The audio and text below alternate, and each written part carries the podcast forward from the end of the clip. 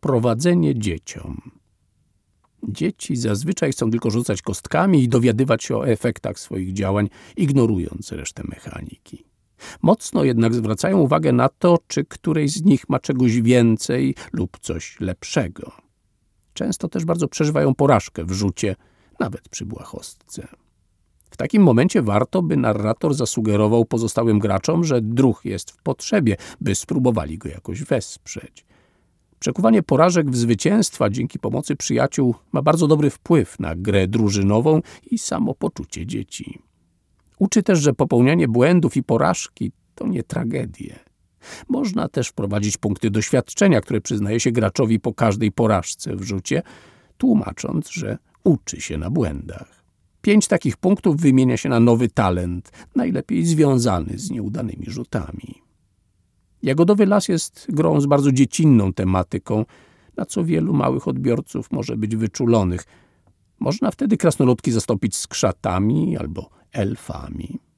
Już taki drobny zabieg może przekonać dziecko do gry. Kreatywne rozwiązywanie konfliktów.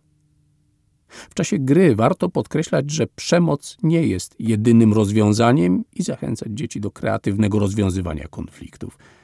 Można na przykład zaproponować strażnikom wykonanie testu inteligencji, by zrozumieć pobudki przeciwnika i spróbować mu pomóc, bo zło często wynika z prywatnego braku szczęścia.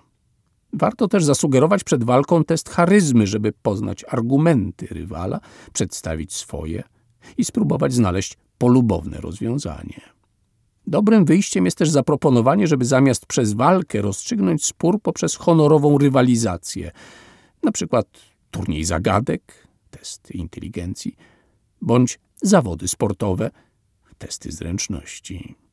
W przypadku konfliktu z wyjątkowo groźnym przeciwnikiem dobrze też dać dzieciom szansę na podjęcie dodatkowej misji pozwalającej na zebranie sojuszników oraz umożliwić im skonsultowanie się z kimś dorosłym, by pokazać dzieciom, że jeśli tata, mama ma je chronić, to musi wiedzieć przed czym. Uproszczenie.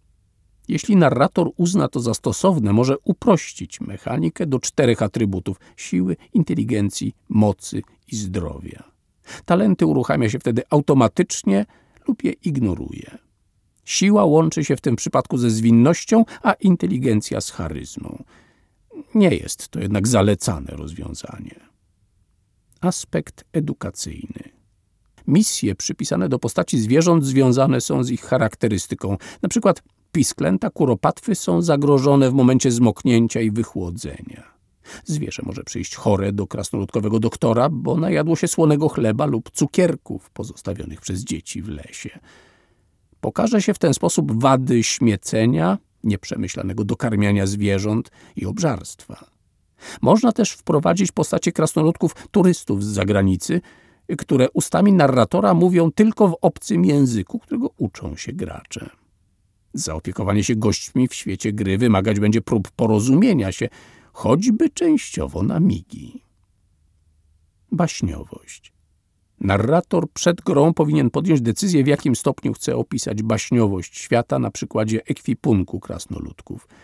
Jeśli czuje się na siłach wymyślać, może przedstawiać, że krasnoludki używają plecaków z wydrążonych żołędzi, misek z połówek orzechów włoskich, szpat z sosnowych igieł itd. Niech rozważy też, czy chce sugerować dzieciom, że krasnoludki lubią korzystać ze śmieci, wprowadzając wanny w puszkach po ciastkach, parasolki uszyte z reklamówek, domki z opon i tym podobne. Między sesjami. Dzieci chętnie rysują mapy jagodowego lasu, dodając od siebie różne elementy. Na przykład jeden z małych testerów dołożył postać czarodzieja, dla którego zdobywał komponenty do magicznych mikstur – można też zachęcić dzieci do prac plastycznych.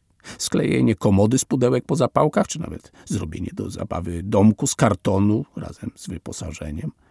Warto zabrać dzieci na spacer do lasu, gdzie pokaże się im konkretne ścieżki, dziuple czy krzaki, by potem wspomnieć je w czasie gry. Wielką niespodzianką może być też spotkanie postaciami krasnoludków, ludzkich dzieci, siebie z prawdziwego życia.